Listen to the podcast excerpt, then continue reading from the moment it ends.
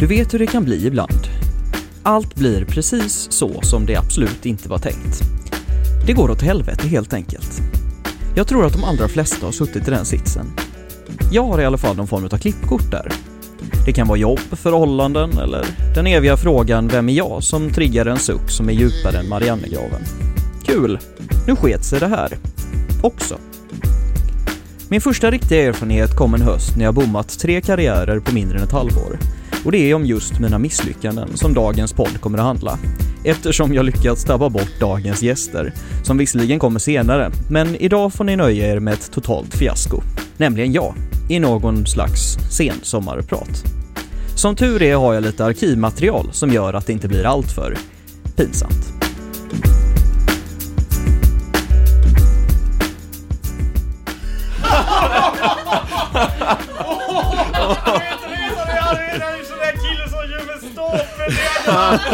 Åh oh, jävlar. ja, ja, apropå det, jag måste, jag måste få berätta en grej. det var så sjukt pinsamt. Jag skulle träffa Karins föräldrar va, för, för första gången. Oh, så skulle vi mötas på en restaurang, eh, och, och, jag kom in lite sent va? Det är inte så snyggt. Ja jag vet, redan där är det ju lite så här, oh, inte så smooth liksom. Uh, men, men, så ställer de sig upp för att hälsa på mig, och då märker hennes farsa att, att, uh, att jag har liksom en stor fläck på brallan, så Kurt ser det liksom. Nej. Ja, jag vet, det ser inte så bra ut, det är så här första intrycket, och så ser det, ser det ut som man har kissat på sig liksom. Åh, oh, pinsamt. Men var det Kiss eller? Ja, ja, nej, nej, nej, det är klart det inte var Kiss. Uh, nej, men jag, jag, stod där och så började jag tänka, var kommer det ifrån? Så kom jag på att det var ju när, när jag var och fiskade tidigare på dagen med, med mina polare va? Okej. Okay. Mm. Ja, och så, min kompis håller på att dra upp en abborre va? Uh, och så ska jag försöka fånga in den, men då glider den liksom undan och så ramlar den ner på däck. Och sen så sträcker jag mig ner efter den, men då, då ska min andra polare göra en liten kul grej tycker han. så han tar en öl, och så börjar han liksom skaka den så här, och, och sen ska, ska han spruta ut hela... Ja, då sprutar han ut den över dina... Ja, nej, nej, nej. Alltså han sprutar ut hela rakt ner i sin mun och sen drar han av ett så här riktigt jävla avgrundsvrål och så, så ger han mig en så här stenhård flykick över bröstet liksom. Kul. Ja, ja men du vet, det är grabbar, det är fisketur, testosteronladdat sådär men, uh. ja, så jag hänger över kanten så här, bara, oh, så här, kan knappt andas liksom. Och så slår vågorna, för det var ju rätt blåsigt mot, mot, mot skrovet så här, så det, vågorna liksom. Ja, fick du vatten på uh, Nej, nej, nej, jag var ju naken då. Uh, men, men jag dyker liksom i och börjar kråla mot land va. och han som drog upp abborren, han ligger ju medvetslös nu, så min andra polare börjar så här, slicka honom i ansiktet och göra lite sådana där pranks liksom. Vad fan? ja, precis. Det blir lite crazy på fisketurerna ibland, men, men jag har kommit till land då liksom. Så jag springer in på OKQ8 vid hamnen där, och så börjar jag liksom olla allt fikabröd som finns i bullskåpet då. Men varför? Nej! Nej, nej, nej alltså jag kanske inte sa det. Jag var ju stenhög. Vi hade ju tagit LSD i flera dygn, så att det var ju lite urballat så här. Så jag hade väl inte riktigt koll på läget liksom. Men då kommer Hasse, han som jobbar där, eh, kommer och drar den här klassiska såhär, ah fan Micke, är du här igen? Så här, och Hasse och jag, vi är ju lumpapolare. Så han ger mig lite kläder och bland annat då de här byxorna va. Och det var alltså de byxorna då som du hade fått eh, kladd på ja. Ja, men då var slutade fikarasten slut nu då, så nu eh, går vi tillbaka till... Nej, nej, nej. Eh, alltså de var ju helt rena när jag fick dem, men när jag står där så får jag lite feeling, så jag drar liksom fram brödkniven och vrålar så här Allmakt och Tengil, vår befriare! Och så liksom hugger jag honom nio gånger i magen liksom. Och så kommer jag på att, fan shit, jag ska träffa Karins föräldrar om en halvtimme in i stan. Ja, så då skriver jag så här, I fuck like a beast på glaset i svängdörrarna där med Hasses blod innan jag hoppar på 62an mot stan. Eh, men så är jag så jävla klantig när jag sitter där liksom. Så jag, jag liksom tar mitt finger och så torkar jag av mig på byxorna så här, du vet som man gör. Liksom, åh. Så står man där liksom och ska hälsa på svärföräldrarna första gången och ser ut som att kissa på sig. Liksom. Jävligt, jävligt pinsamt. Akterligan grundades 2011 utav mig och en kille som heter Johan Abrahamsson. Som är en utav mina absolut bästa vänner, gudfar till min första dotter och som jag har alldeles för lite att göra med idag. Även om vi ses någon gång om året. Vi skulle i fyra år leda en humorgrupp som skulle leverera humor till P3. Vi levde under paraplyet Humorhimlen Lab på den tiden medan P3 fortfarande hade någon intention av att ta in något nytt material. Nej, jag är inte bitter, men eh, vi eh, kom ju ganska långt. Det gick ganska bra. Vi stod inför den berömda sommarslotten, som är det som man får göra innan man blir permanent grupp på P3. I alla fall var det det på den tiden. Det var först vi och tio andra som fick göra en pilot. Sen var det vi och fyra andra. Sen var det vi och två andra. Och de två andra grupperna bestod av etablerade komiker. Självklart valde de båda de två andra grupperna som fick dela på det. Ja, vad ska man säga? Det... jag är inte bitter, som eh, Tony Rickardsson, eller Robert, hade sagt. Men eh, det är jag. Ehm, även så här ganska många år senare. Det var på våren som det beslutet kom. Men då hade jag ett annat jobb på G. Eh, inte som komiker som jag hade flyttat upp till Piteå och pluggat i fyra år för att eh, kunna göra, utan som administratör på universitetet för att försöka få in fatt i nya studenter som kunde tänka sig att flytta upp till snö, kyla och, och mörker, men samtidigt väldigt mycket mer mänsklig värme. På våren hade jag fått intrycket att jag skulle få tjänsten. Jag hade varit på intervju, jag hade pratat med min nya chef och allting såg tipptopp och klart ut så att jag skulle börja i augusti. Problemet var bara att sommaren gick och när augusti väl kom så hade jag fortfarande inte hört någonting. Så jag mejlade till chefen, fick inget svar. Eh, hörde av mig till den som hade haft tjänsten tidigare och fick reda på att nej, det var inte jag som hade fått tjänsten utan det var någon annan. Du som inte har verkat inom akademins värld tycker kanske att det här låter konstigt, men det är det inte. För känner du någon som känner någon, då är du, då är du klar. Spelar ingen roll vart det är någonstans. Jag kände att, ja ja, då blev det inte det här heller. Ehm, jag hade ett tillfälligt jobb på en eh, guldaffär och tänkte att, ja men då får vi väl försörja mig på det här och fokusera på att vara pappa. Problemet var ju bara att den här guldaffären inte tyckte att jag var någonting att ha när jag skulle bli inlasad heller. Så jag fick i beskedet att nu kommer du snart att bli av med jobbet där också. De här tre misslyckandena, ihop med att mitt förhållande gick allt mer knackigt, kastade mig in i min första riktiga depression. Mörkret hade väl gjort sitt redan höstarna tidigare, men just det höstmörkret la sig som en filt över mig och jag kunde inte ta mig ut. Eller en filt är nog fel ord. De här nedtyngda täckena som är så populära idag, de hade inte ens, det var inte en liten fis i jämförelse. Men ut ur filten eller täcket eller ja, depressionen skulle jag komma. Det skulle ta lång tid, det skulle ta nästan tio år men ut skulle jag komma. Jag hade turen att få komma i kontakt med vården under våren och kunde långsamt ta de första stapplande stegen mot ett hälsosammare liv. Jag skilde mig från min fru efter att ha först ha separerat, ehm, flyttade hem till Göteborg, tog beslutet att inte flytta ner till Halmstad, ehm, en stad som jag inte har någon koppling till mer än min dotter. För jag visste ju hur det var att försöka leva enbart för henne och att jag inte klarar det. Jag vill helt enkelt ta det beslutet som innebar att jag kunde vara den bästa pappan och fortfarande klara av i alla fall den biten. Vilket jag kände att jag knappt gjorde när jag bodde uppe i Piteå. Jag flyttade hem minst sagt svajig. Under frågan Vem är jag? Hej! Eh, per heter jag och eh, jag lever som periskop. Det har varit en persmånig tro Permanent jag sjunger min sång från min personalingång. Det har knappast varit perfekt att heta Per med min dialekt. En permanent fascination söks i mitt namns perception. Varje pärla ser sin chans till komik utan spärr har hört varenda replik. Ett perskämt i var rock och pärm. Jag kan fylla både bok och perm. Nu har jag tröttnat per se. Periodvis börjat bli riktigt sned. Skaffat perser katt och argsint stil. Nu kör jag över dem med min permobil. Perkele! Tack. Vem är jag? Den frågan var kanske mer än själva jobben det som verkligen kastade mig in i depressionens mörker. För något mer uttjatat ord finns väl knappast men samtidigt inte heller något som är mer målande för vad det är. Den där tunga bojan som gör att man inte kan göra någonting överhuvudtaget. Och det var väl tankarna på vem jag var mitt i allting, vem jag ville bli och, och vart jag var på väg eh, och framtiden som eh, såg minst sagt mörk ut. Jag älskade min dotter och det har jag alltid gjort. Och hon har alltid varit det som har varit det viktigaste.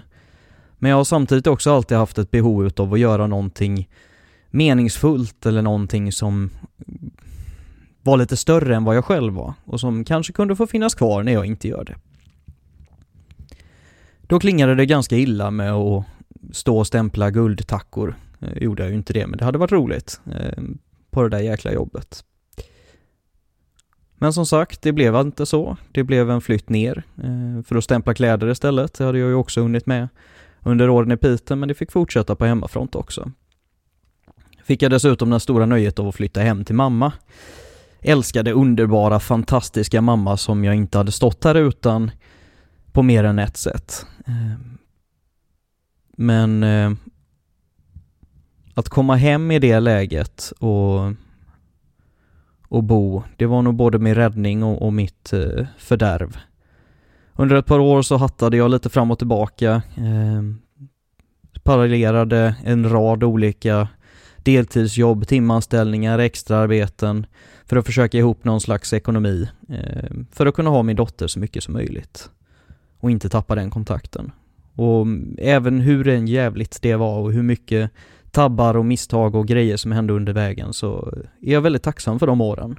För de lärde mig väldigt, väldigt mycket. Inte minst så gav de mig en väldigt bra relation till min dotter som nog har varit en förutsättning för att hon ska kunna ta sig vidare idag. Men vem är jag har varit en fråga som har hängt med mig länge. Och det har också varit en fråga som som någonstans inte bara definierat mig utan också varit det som mitt liv har handlat mycket om. Det var nästan därför jag tog jobbet på Unicef, där jag hoppades kunna både vara en förebild för unga människor som hade sitt första jobb och som behövde någon att se upp till. Men också i ett arbete där man verkligen fick göra nytta. Ganska snabbt insåg jag att det inte var speciellt mycket för mig. Det gick mer ut på att jag skulle arbeta aktivt som medlemsrekryterare än som mentor för dem jag jobbade ihop med. Vilket var anledningen till att jag tog jobbet från första början. Det gick åt helvete. Jag klarade inte av att vara den ledaren jag ville vara. Jag kände att eh, lusten för jobbet försvann, lusten för säljet försvann, lusten för det mesta försvann. Och så sket det sig. Men som tur var så träffade jag en tjej som fick mig att sluta. Älskade fina Emma. Du eh, har gjort så otroligt mycket för mig. Förlåt. Du har gjort så otroligt mycket för mig och jag kommer nog aldrig kunna betala tillbaka dig. Hur mycket jag än försöker. Det blir jobbigt här. Ja, hur som haver. Um, men jag tänker försöka resten av mitt liv. När det var dags att flytta ihop med dig så fick jag ta mig i kragen och ta ett riktigt jobb. Lämpligt nog så var också pappadagarna slut. Dessa fantastiska pappadagar som vi är alldeles för otacksamma för i det här jävla landet. För det är en förmån. En otrolig förmån att kunna få en ordentlig koppling till sina barn. Istället för många utav mina internationella kollegor som knappt vet vad ens barn heter. Riktigt så illa är det inte men ni förstår. Kanske. Om ni vill. Nej, det var tack vare Emma som jag har tagit ner och lagt av med mycket utav den skit jag har försökt pyssla med mest för att, för att. Och det var också tack vare att vi flyttade ihop som jag äntligen fick det där fasta jobbet som jag faktiskt behövde för att kunna ha en bra bas att stå på. Inte för att jobbet i sig eh, är speciellt, ja, det är väl ett jättekul jobb, men det var ju inte det som jag eh, föddes för utan för att det möjliggjorde att jag kunde göra en mängd andra saker. Direkt i samma veva som jag fick det här jobbet så fick jag förfrågan om att eh, regissera en film. Den går alldeles utmärkt att se, ligger på min hemsida hakunamatata.produktion.com under C. Eh, gratis till och med, det är ju gott har jag hört. Och det var för fan det roligaste jag har gjort. Med undantaget av när barnen föddes. Så i en rad misslyckade misslyckanden så ledde alltihopa fram till någonting bra. Och Emma hade jag ju faktiskt aldrig träffat om jag hade flyttat till Halmstad, istället för att flytta till min livslånga kärlek. Staden jag kallar mitt hem. Göteborg.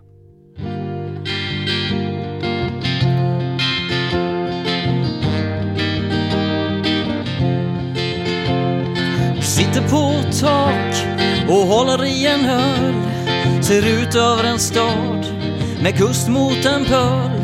De säger det är fult här men det ser inte jag. Känner jag mår bra här, jag stannar nog ett tag. Knör mig in för den känner ingen sorg för mig. Staden som aldrig är långt bort den som byggdes med kranar och dragspel av skottar och friser som ett genovenskt fort. För det här är platsen där jag slagit min rot. Det är platsen jag kallar mitt hem. Och även om den är full av skrot är det platsen jag kallar mitt hem.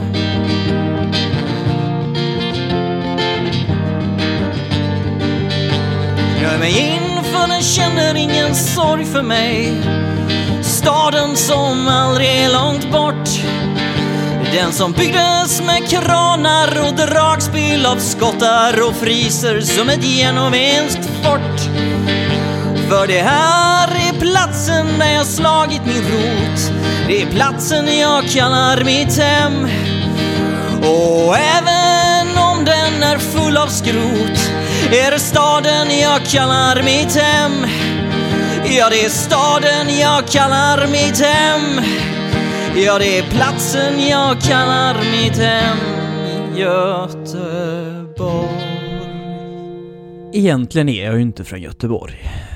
Jag föddes på Mölndals BB medan de fortfarande hade ett. Och bodde där mina första tio år, innan jag flyttade ut bland kossor och, och trän i skogen vid Hemsjö.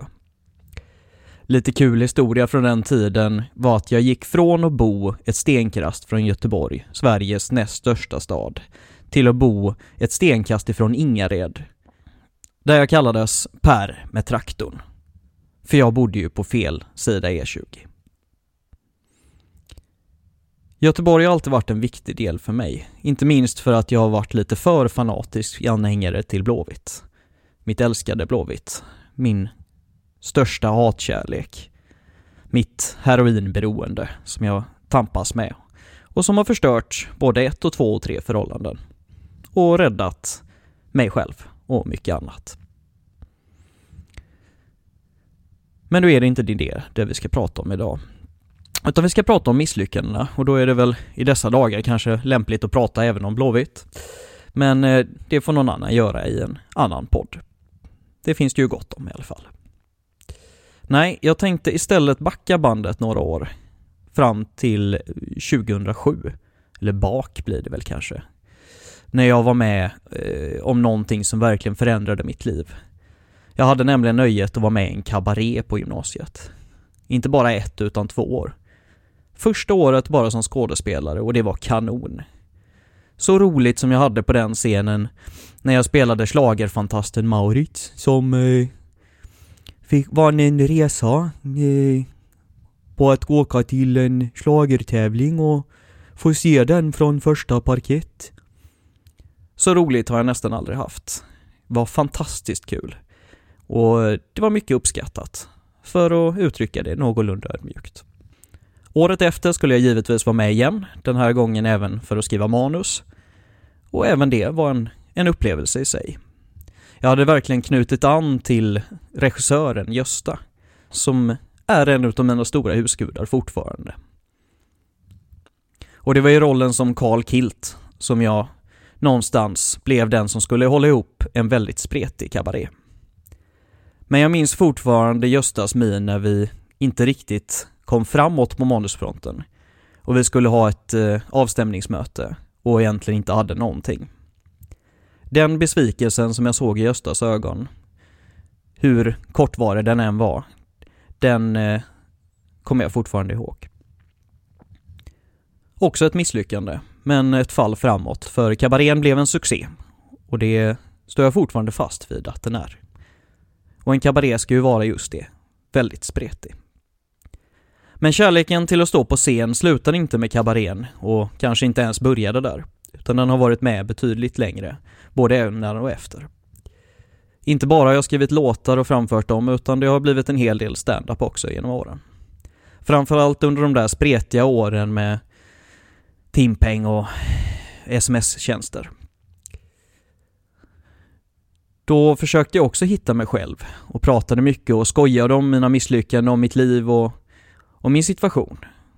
Men jag hittade aldrig riktigt hela vägen och när jag väl kom så långt att jag skulle kunna börja försörja mig på det så gjorde jag insikten att nej, den där väldigt flyktiga standup-tillvaron den var nog inte heller riktigt för mig.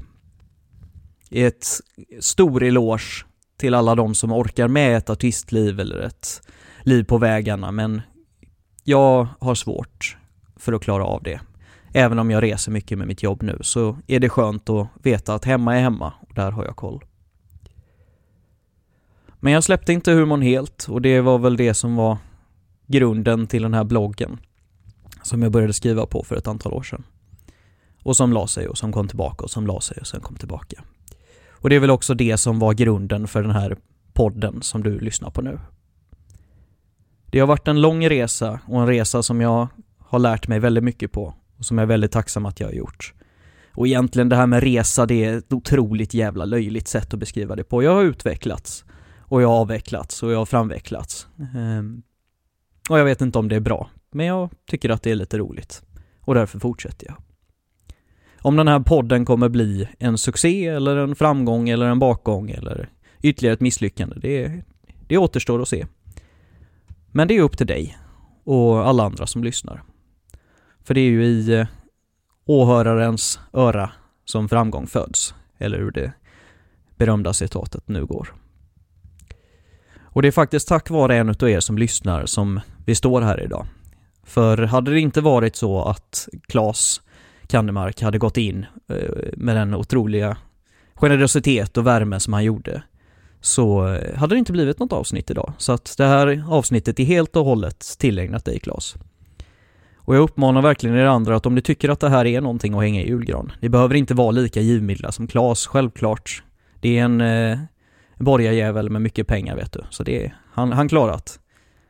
Men eh, gå in med en kaffe i morgon. Det är, det är symbolen som spelar roll. Och det är symbolen som vi kan bygga på. Man får börja med att lägga sand för att kunna lägga de stora stenarna. Annars så drar de bara omkring. Och det var väl lite därför jag började den djupa änden av bassängen. Med att göra ett dubbelavsnitt, vilket inte var planen, men det blev bra ändå. Om politisk ideologi. Som jag är förvånad över att så många hade nytta och glädje utav. Det var klart min förhoppning, men det var det är härligt att se det gensvaret som har blivit. Jag var ju lite rädd när vi ställde oss framför mikrofonerna att det skulle bli som en vanlig debatt, som ni ska få höra prov på alldeles strax. Men Hanna och Dennis levererade, precis som de har gjort så många gånger, över ett glas öl.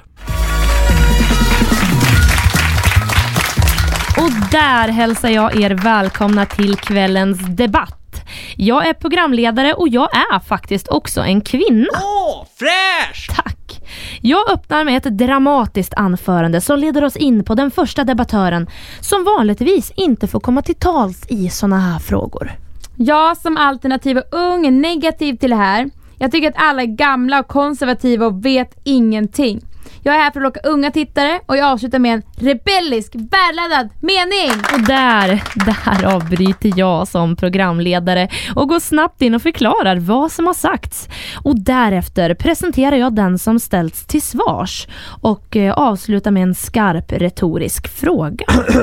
Ja, jag går in och försöker skratta bort eh, programledarens inledande fråga men jag lyckas inte riktigt.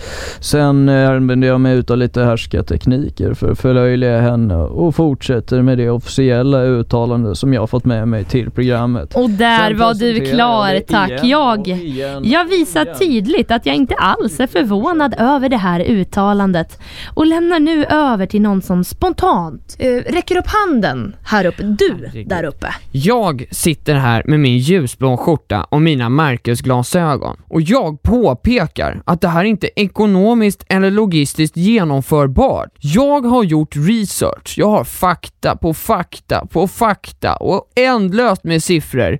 Varför debatterar ni ens det här? Löjligt! Och där, där Och här kommer jag in och är väldigt förbannad över att det är ingen som har presenterat min åsikt! För jag brinner så mycket för det här ju!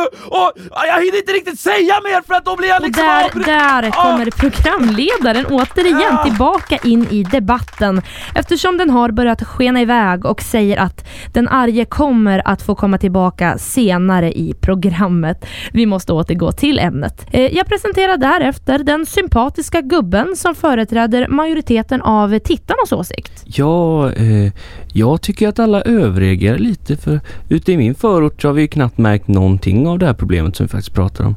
Och jag sitter ju ändå här i en fleecetröja. Jag hinner inte riktigt eh, få fram min åsikt eftersom jag blir avbruten. Jag går in och avbryter här men jag hinner heller inte riktigt få fram min åsikt för Då jag... är det jag som avbryter och nu, nu tänker jag använda mig av så här väldigt värdeladdade ord, så här, katastrof och, och folkhat och, och skam för att ni ska förstå hur upprörd jag är och ännu en gång så hinner jag inte avsluta riktigt. Och där Det här får är- jag avbryta en sista gång för att nu är, har nämligen programmet nått sitt slut. Vi är tillbaka nästa vecka med ännu mera debatt. Då kommer det handla om ett annat ämne men med exakt samma arketyper. Och medans vignettmusiken rullar igång så går jag runt och hälsar lite på dig. Jag går upp två rader och du kom och du är invandrad, det är kul. Åh, tack är nere igen för att du kom. Mm.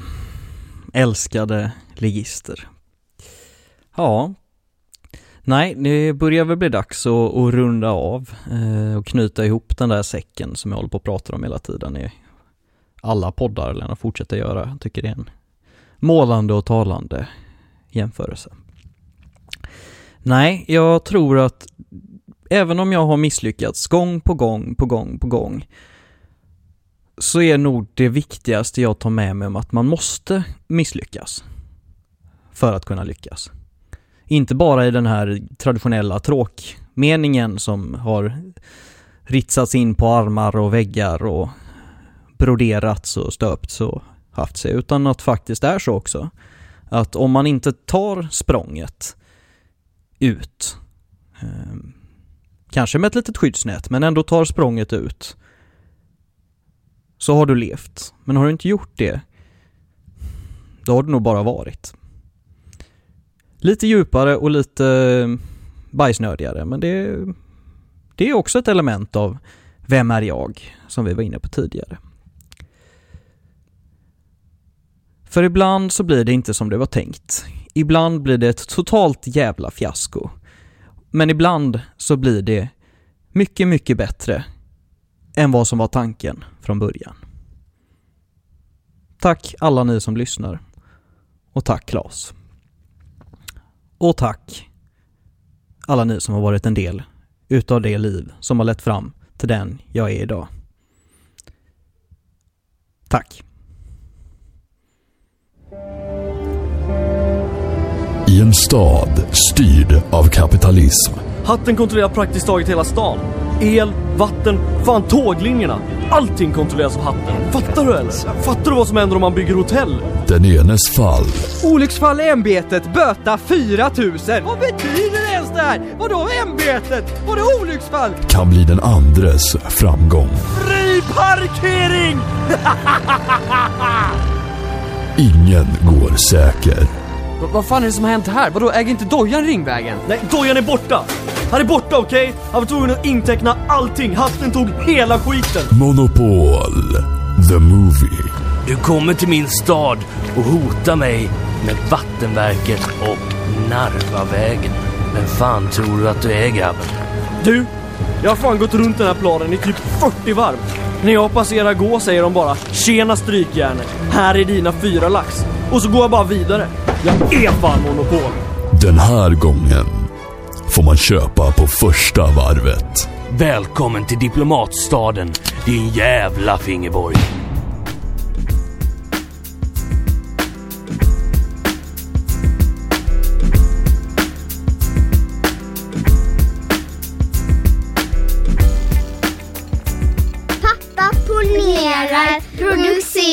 Presenteras av Hakuna Matata Produktion.